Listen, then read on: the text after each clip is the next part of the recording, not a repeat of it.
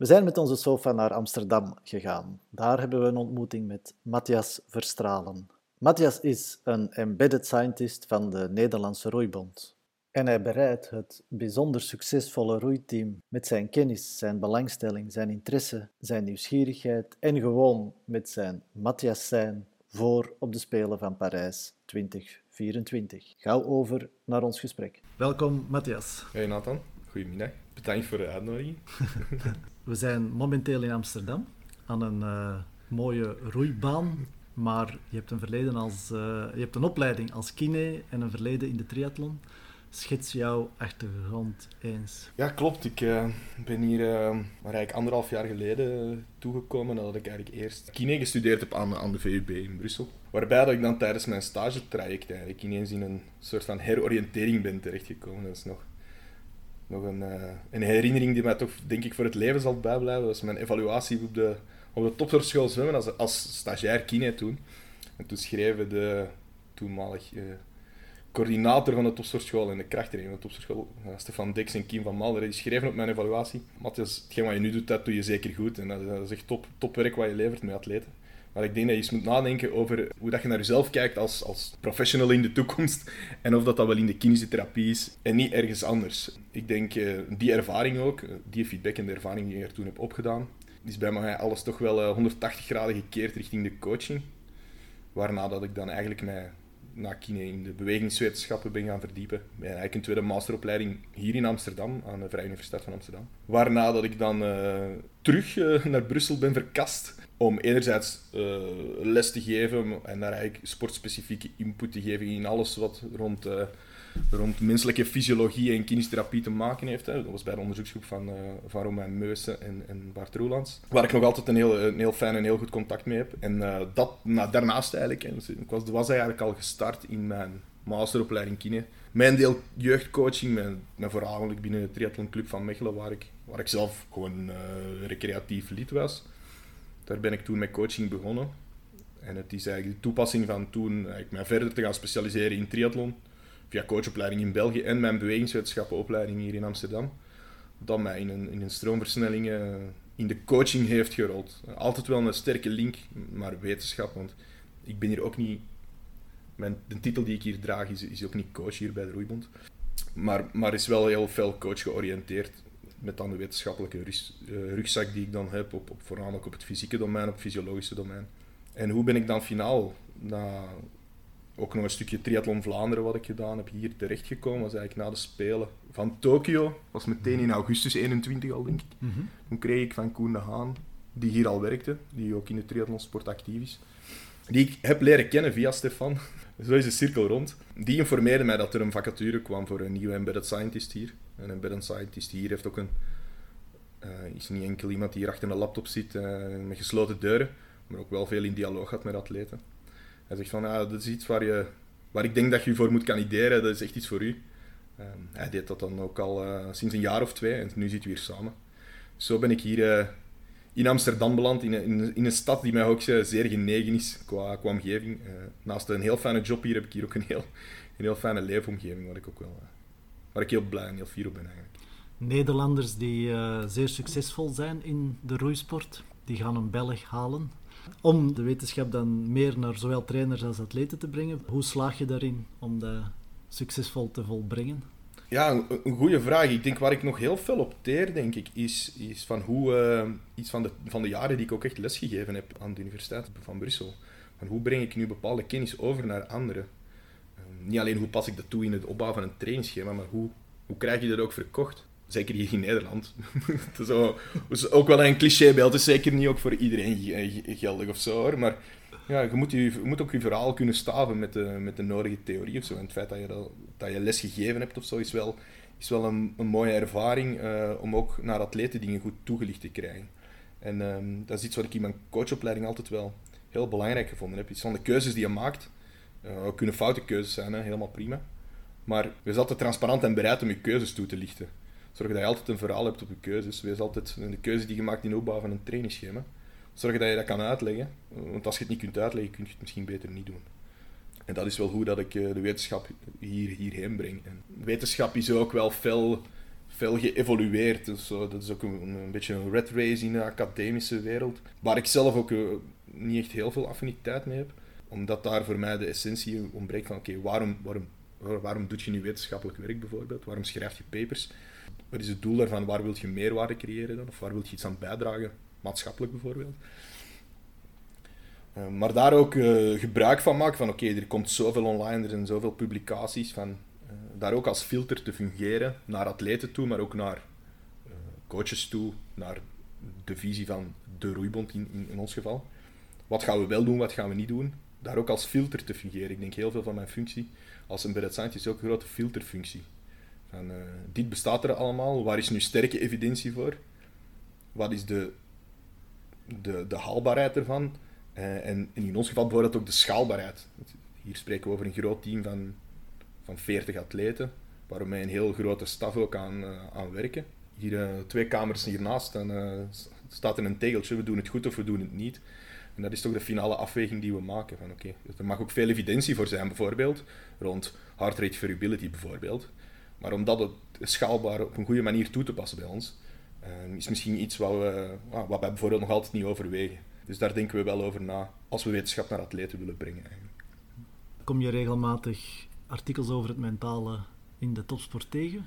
Ja, goede vraag. In eerste instantie nee. Je zoekt ook altijd in je eigen vakdomein natuurlijk. Hè. Dus dat is altijd, uh, er zit zoveel bias op dat niveau ook eigenlijk. Dus hoe kom ik met mentale, laat zeggen, met, met mentale of wetenschappelijke uh, publicaties in aanraken of wetenschappelijke kennis op uh, ik denk dat dat veel ook in een gesprek is, zoals met mensen, mensen zoals jij, denk ik. Mm Daar, uh, dat is toch uh, voor mij dan een grote kennisbron in coachopleiding.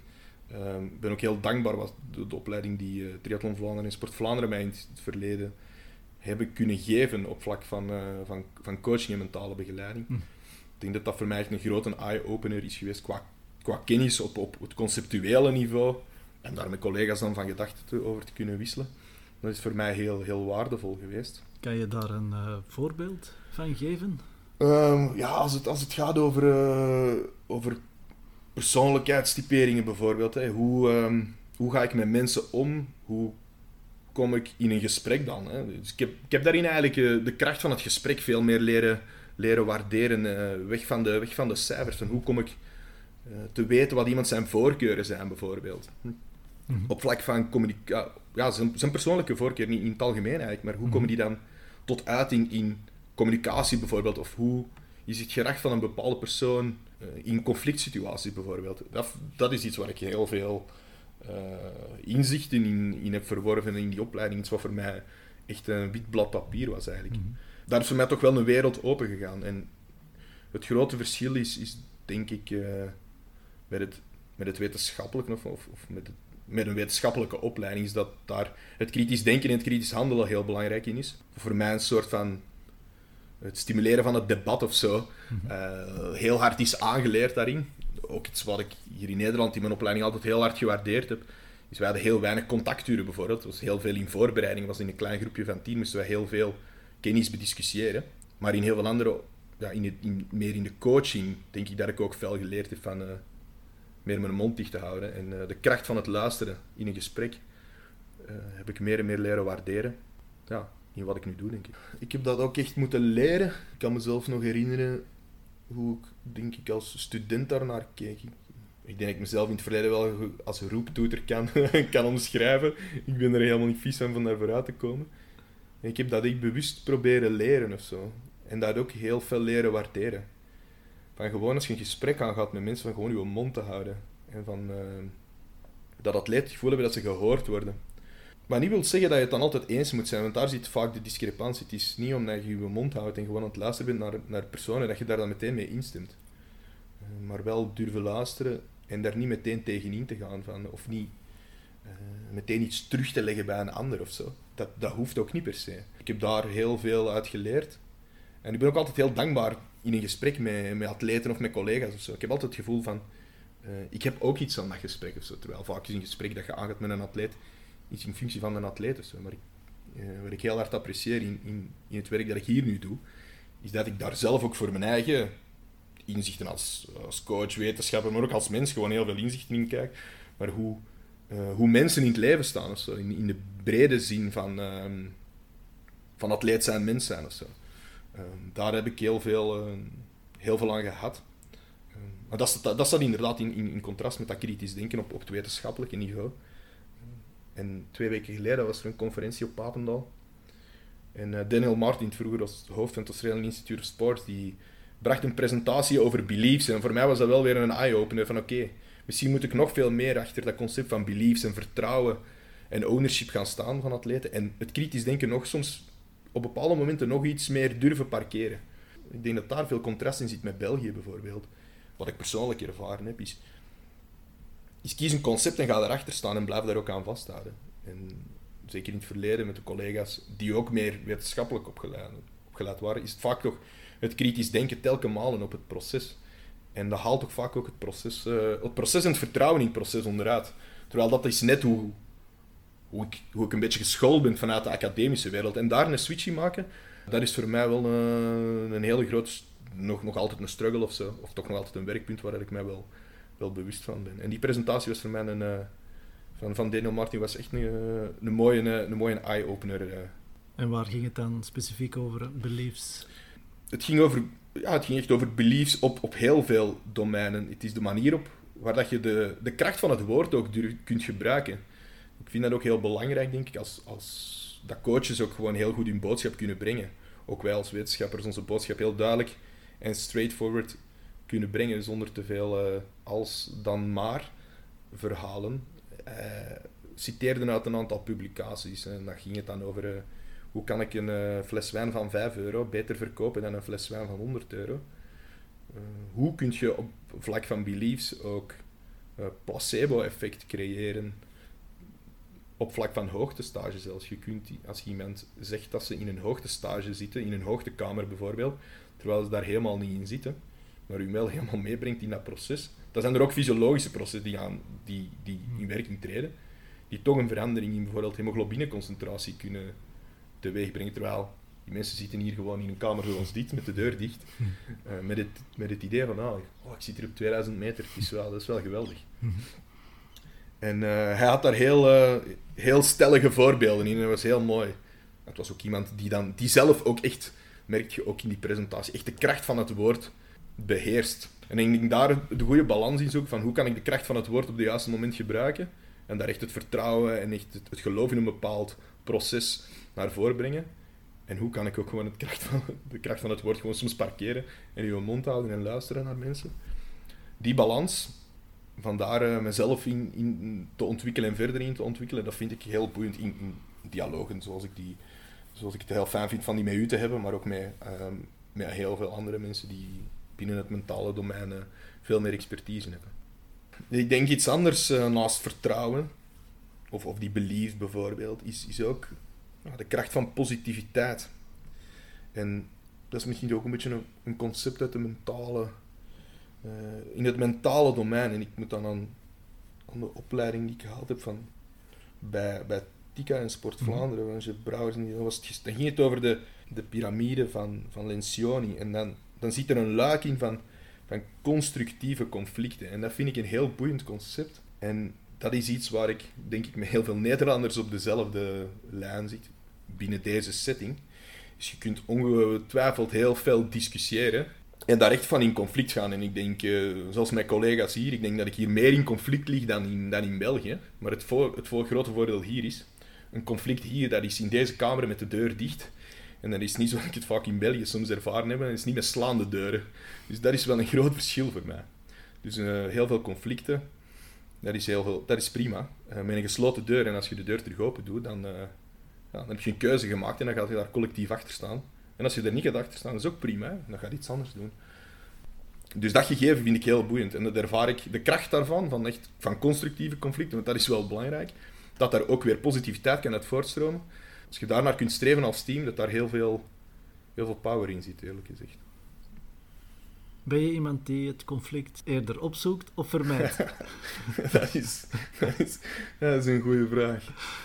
Ik weet niet of ik daar zelf altijd uit ben. Oh, ik ben niet vies van conflict, denk ik.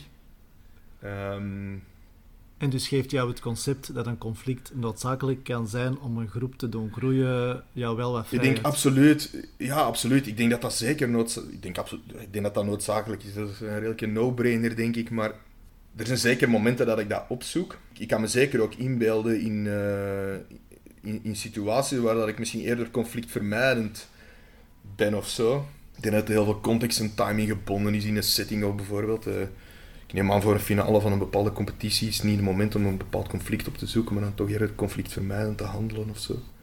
Maar ik ben, denk ik, puur van nature als mens wel iemand die ja, het conflict, of niet per se het conflict, maar wel het debat heel fijn vindt of zo. Zo'n eh, een stuk politiek debat op tv krijgen of zo, dat is voor mij ook wel eten en drinken of zo. Dus dat, is, eh, dat geeft mij ook wel voeding. Mensen die de kracht van het woord in een, in een discussie goed beheersen, vind ik altijd wel mooi om naar te luisteren en naar te kijken. Dus ik denk op dat vlak denk ik eh, dat ik daar zeker wel eh, het conflict in durf, het conflict of de discussie in durf opzoeken. Het Nederlandse roeiteam, daar worden op de Spelen die dat er binnenkort weer aankomen, ehm, wel wat resultaten verwacht. De druk ligt daar, denk ik, toch wel hoog. Hoe gaan jullie daarmee om? Ja, dat is een, eh, dat is een goede vraag. Ik denk, eh, wij houden vast aan wat onze headcoach altijd heeft uitgesproken. Dat is eh één gouden medaille bij de mannen, één gouden medaille bij de vrouwen. En vier medailles in totaal. Ik zou zeggen, dat is dan onder de verwachting van het voorbije WK, waar dat we meer resultaat haalden. Eh, waarbij we dan ook de medal standing eh, wonnen en zo van die dingen. Creëert ook veel, veel media-aandacht of zo, maar op een of andere manier in het proces, en dan spreek ik puur even voor mezelf, ervaar ik die druk op een, op een heel andere manier, of soms zelfs niet of zo. Omdat het, de kracht van het proces is hier, vind ik wel zo fel aanwezig. Eh, en die vind ik ook fijn voor, voor, voor atleten en voor collega's om, daar, om daarin te staan. En, en los van alles wat wij, wat wij ongetwijfeld eh, goed of soms ook minder goed doen, is het vooral hier en de kracht van met die druk om te gaan is toch een beetje van, it's, it's, it's the people who make it work. Dat, dat is toch het gevoel dat ik daarbij, daarbij heb. Uiteraard eh, zijn er ook momenten, maar dat is veel minder druk gerelateerd. Het gaat over omgaan met teleurstellingen of zo, want die zijn er ook. Hè. 100% succes, dat bestaat niet. Dat is ook hier zeker niet het geval. Maar dat we op een heel taak, ja, en dat is dan een dooddoener natuurlijk, heel procesgedreven en taakgericht mee om te gaan, ook op wedstrijd, dat daar heel veel in zit om mentaal consistent te kunnen presteren. En daar is iets wel waar de coach waar ik mee samenwerk, Diederik Simon, heel fel op hamert in voorbesprekingen richting een toernooi. Van heel taakgericht te blijven. En het proces daarin centraal te stellen. En niet te vergeten dat je moet racen natuurlijk. Hè. Dus eh, dat is nog zoiets. Dus er zijn een aantal dingen die... weet veel, als het gaat over eh, technische verbeterpunten of zo. Dat zijn niet de momenten die je een dag voor een finale nog gaat oppikken. Maar het, het taakgericht beleven en aanpakken van zo'n wedstrijd, ik denk dat daar heel, eh, heel veel in zit om met die druk om te gaan. Omdat dat is hetgene waar je ook heel veel vertrouwen uit kunt put- putten. Dat is hetgeen wat je op training honderden, eh, duizenden keren herhaald hebt. En dat daar heel veel kracht in zit. Van eh, vast te houden aan de herhaalbaarheid van succes dat je al dan niet al gecreëerd hebt. Dat is denk ik de manier om, om ook met die druk om te gaan. Van heel veel vertrouwen te leggen in, in de herhaalbaarheid van dingen die je in het proces geoefend hebt. En dan is het zoals het eh, cliché dan zegt, zoals nu het jaar van de Spelen of het jaar ervoor, van geen gekke dingen te doen. Hè. Er zijn altijd nog wel mensen die het een en ander proberen te verkopen.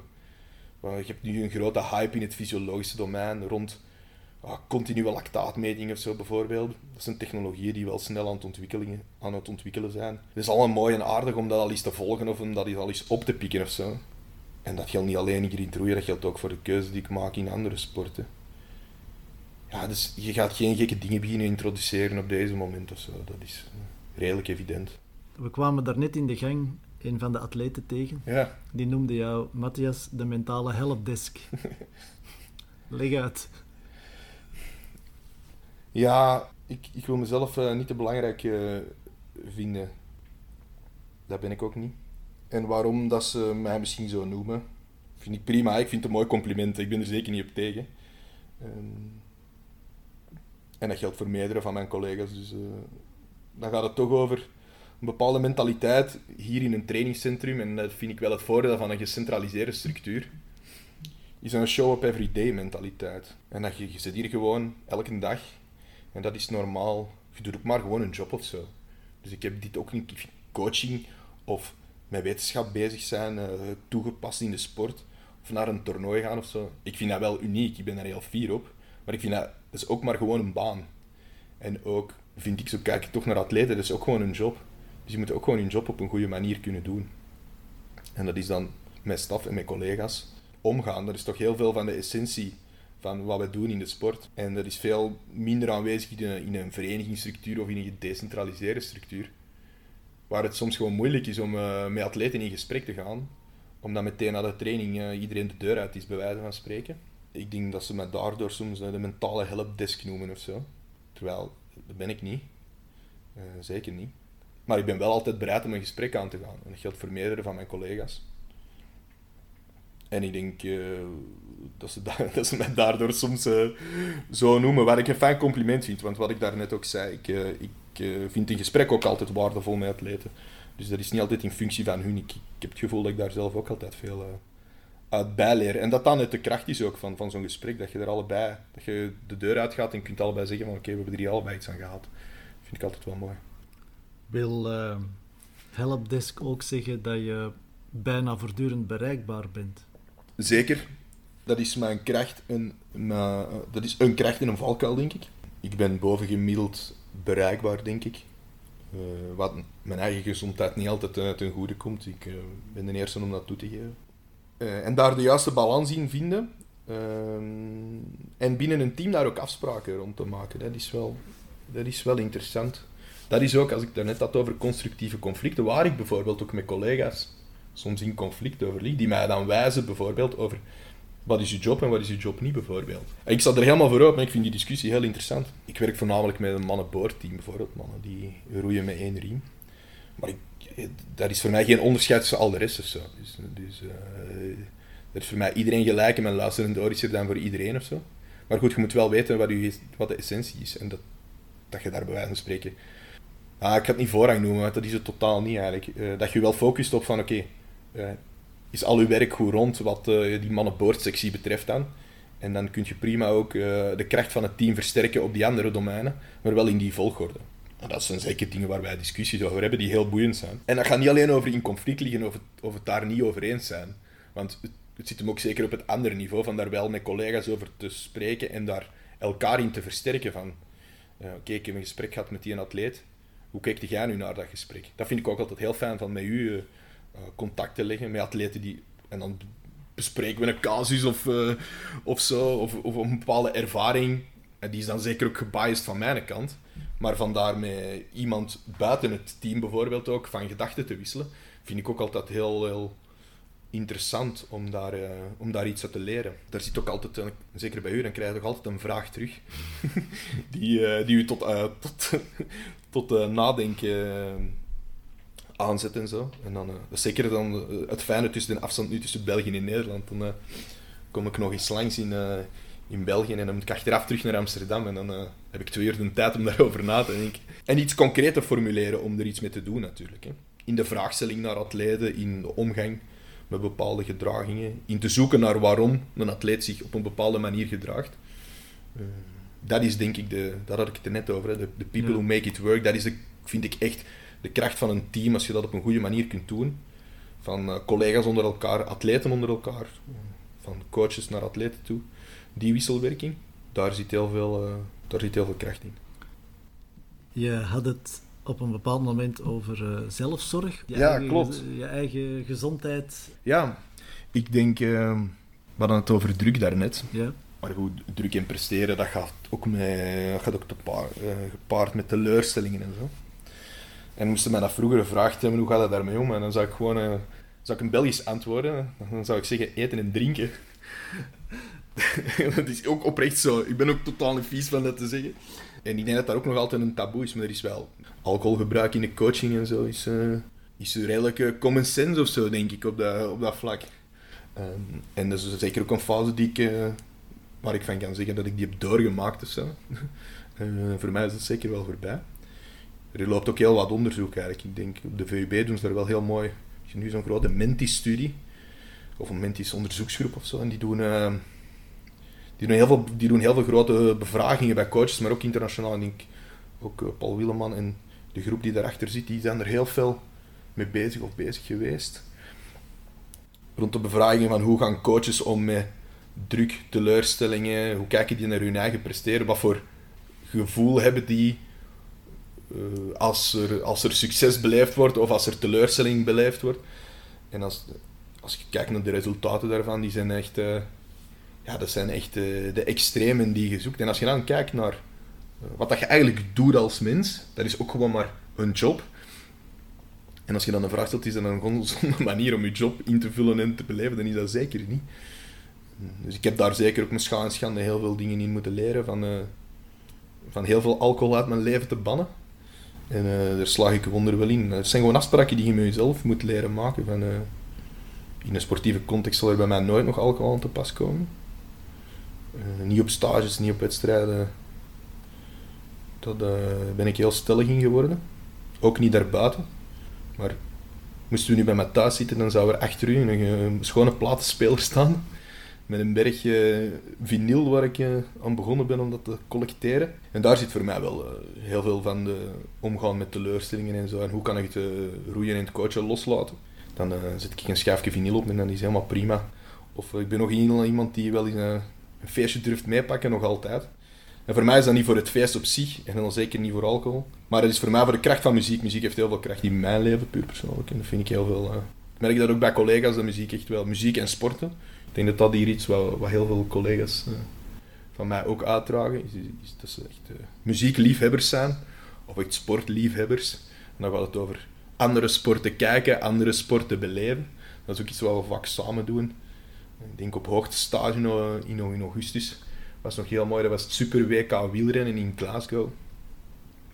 En dan uh, tijdens de wegrit denk ik, dan, uh, dan zitten we met z'n allen ergens bovenop een berg naar uh, een beamer te kijken en toch als je België-Nederland strijd te beleven als het gaat over de ploegkoers en zo. Dat is wel heel fijn. En dan merk je toch wel, oké, je, je deelt ook heel veel met collega's op dat vlak. En dat is wel mooi om te zien. Maar leren afstand nemen van, van sport en coaching is voor mij echt een heel grote uitdaging geweest, wat voor mij ook heel uh, een grote stap is geweest, is van wel van een beetje nog, nog twee sporten te combineren. Ik ben uh, 95% van mijn tijd met roeien bezig, voor alle. Maar ik doe nog een deel coaching in de triathlonsport. Ik heb dat altijd een beetje willen behouden. Een bewuste keuze van mezelf en ook van de atleten waar ik nu nog mee werk, die heel graag met mij wilden blijven werken. En daar heel veel ook in te kunnen switchen of zo. Van het ene laat het andere los. En het is wel, ik ben nog altijd met mijn passie bezig. Dus uh, ergens het kunnen bijdragen aan uh, de succesbeleving of, of aan het leven van andere mensen. Dat vind ik, dat is, dat is toch wel een bepaalde waarde van mij. Om daar een soort van impact of zo. Impact is wel een, een waarde die bij mij heel veel opkomt. Maar impact vind ik soms ook wel een te fel woord. Iets meer echt een bijdrage leveren aan dan echt impact te willen hebben. Het feit dat ik, die, dat ik daar af en toe in kan switchen tussen die sporten, maar toch nog altijd met dezelfde essentie bezig ben, zorgt er voor mij ook dat ik van het ene over het andere gemakkelijker wat afstand kan nemen. Daar zit voor mij echt wel uh, de les in die ik, uh, die ik zelf heb, uh, heb doorgemaakt. Misschien nog aan gekoppeld, wat mij daarin altijd ook gedreven heeft. Hoe leuk, dat, hoe leuk dat winnen ook is, maar hoe, hoe meer kut dat verliezen eigenlijk is. En daar heb ik me vaak ook wel echt aan, aan mispakt. Van dat echt heel fel persoonlijk met mij meer mee te dragen. Van winnen is echt heel fijn, maar dat is dan dat is vaak iets wat ik ook heel kortstondig beleef of zo. Ik denk dat er weinig wedstrijden zijn waar ik niet, als ik al in een auto onderweg naar huis zat of in het vliegtuig zit, dan denk ik, oké, het is allemaal mooi en uh, hoe gaan we het nu anders en beter doen? Of... Dat is toch een gedachte die bij mij heel veel speelt. Dat het leren genieten van succes, van dat toch ook echt te benadrukken, dat is toch wel een, een grote les voor mezelf geweest. Leren genieten van succes en hoe omgaan met verlies dan? Rationaliseren. Ja, eh, dat zeker. En de mens en het succes of het verliezen ook in de totaliteit van het leven van de mens te zien. Het is de atleet in een bepaalde wedstrijd verliest, zo, maar als je kijkt naar wat het er achter die persoon zit of wat hij nog verder doet in zijn leven, dan is hij nog, succesvol in heel veel andere dingen. We hebben hier heel veel atleten die nog hogere studies doen. Uh, een van, mijn, van de atleten waar ik hier mee werk, ik heb daar ongelooflijk veel respect voor, je ziet bijvoorbeeld nog in een PhD-traject in de rechten en zo. Ik heb daar ongelooflijk veel bewondering voor. uh, een aantal geneeskundestudenten hier. En dat ook ongetwijfeld heel veel onrecht aan, aan andere atleten die ik hier nu niet benoem. Want ik heb daar in de brede zin van, van het team, zowel hier in het roeien, maar ook in de triathlonsport, waar ik een aantal uh, atleten begeleid die deels nog studeren, halftime en dan halftime proberen er als triatleet van, van te leven of van hun sport maximaal te kunnen beleven eigenlijk en daar dan een soort of kleine job naast doen. Ik heb daar ongelooflijk veel respect voor. En dat als je in, in situaties waarin dat je verliest van het leven toch in zijn uh, totaal aspect te benaderen. Een van mijn triatleten in België, die, zijn vriendin, is uh, ook de voorbije zomer bevallen van een kind. Ik denk dat dat ook echt heel veel impact heeft op een positieve manier op hoe omgaan met verliezen en ja, ook een switch te kunnen maken van hoe kan ik nu een verlies nu omzetten naar winst of zo op, op bepaalde termijn. Dat er heel veel lessen in zitten ook. Uh, van niet in dat verlies te blijven hangen. Hoe zie je je toekomst? Ik heb niet zo'n heel carrièreplan of zo. Totaal niet. Maar wel ambitieus. Zeker wel. En vooral heel leergierig. Zowel nog in, uh, daarom vind ik dit traject ook heel interessant. Om nu in een sport terecht te komen waar, ik, waar ze zeggen van Matthias, we zoeken iemand met fysiologische expertise.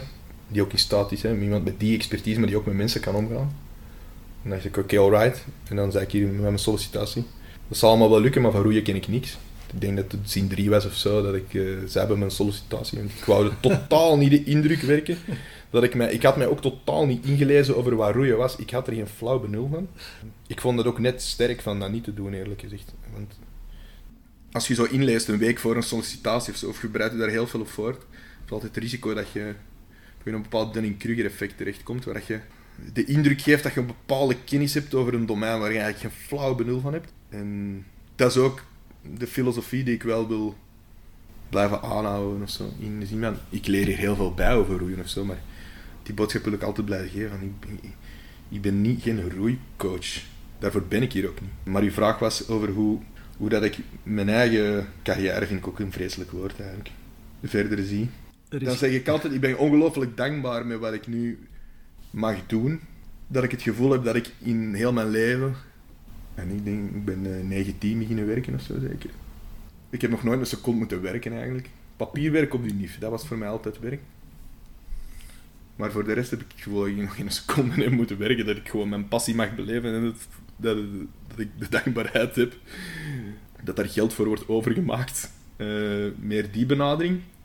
En dat is eigenlijk wel een soort van kompas dat ik, uh, als ik dat nog heel lang kan uh, hanteren, dat kompas, dan ben ik daar wel heel dankbaar voor. En is dat in een roeisport helemaal prima. Met heel veel plezier en met heel veel interesse. En is dat mogelijk ook in een andere sport, dan kan dat ook uh, zeker zo. Maar ik ben daar niet zo bezig met mijn carrièreplan. Ik ben wel bezig met mezelf persoonlijk doorontwikkelen of zo. En daar ben ik wel een soort van.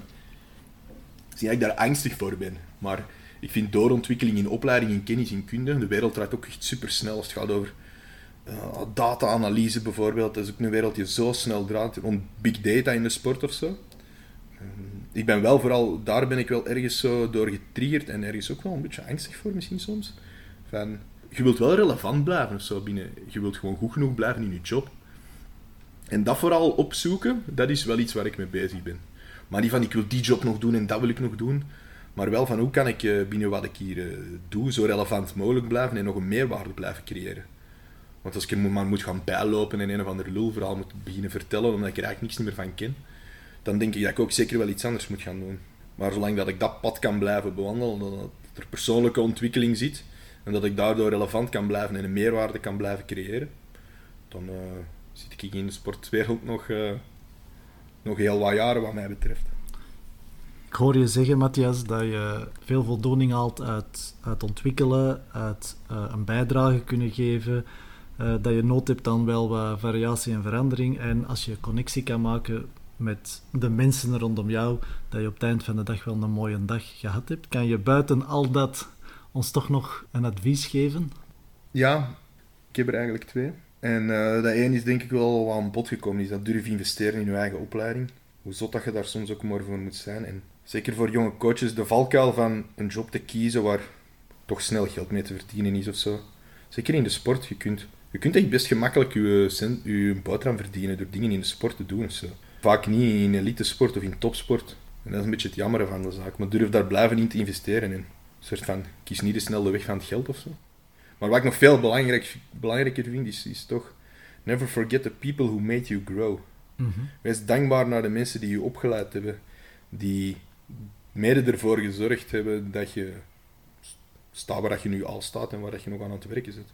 dat gaat dan bij mij over de mensen op de universiteiten hier in Amsterdam en, uh, en in Brussel. De mensen van mijn triathlonvereniging die mij echt in de eerste stappen van coaching hebben, hebben gebracht. De mensen van de zwemfederatie die mij destijds waar richting coaching geduwd hebt. Jij die al heel veel bijdrage geleverd hebt in mijn, in mijn coaching. Ik ben daar wel heel gevoelig voor. Van die mensen op tijd en stond te, te bedanken als het goed geweest is. Of ook als het heel kut geweest is. Dus zo. Ik denk dat dat heel belangrijk is om dat niet te vergeten. Die mensen zijn er ook altijd uh, geweest voor u als coach. En ook als je dan een soort van meer succesvol wordt of zo. Je hebt niet de pretentie en de arrogantie om die mensen dan opzij te schuiven. Of zo. Dat, uh, dat is wel een boodschap die ik nog wilde, die ik zeker wil meegeven aan, uh, aan jonge trainers. Dat beschouw ik mij toch altijd nog als jonge trainer, jonge coach, jonge sportliefhebber. Dat is zeker een boodschap die ik wil, wil meegeven. Dankjewel voor dit gesprek, Graag gedaan, Nathan.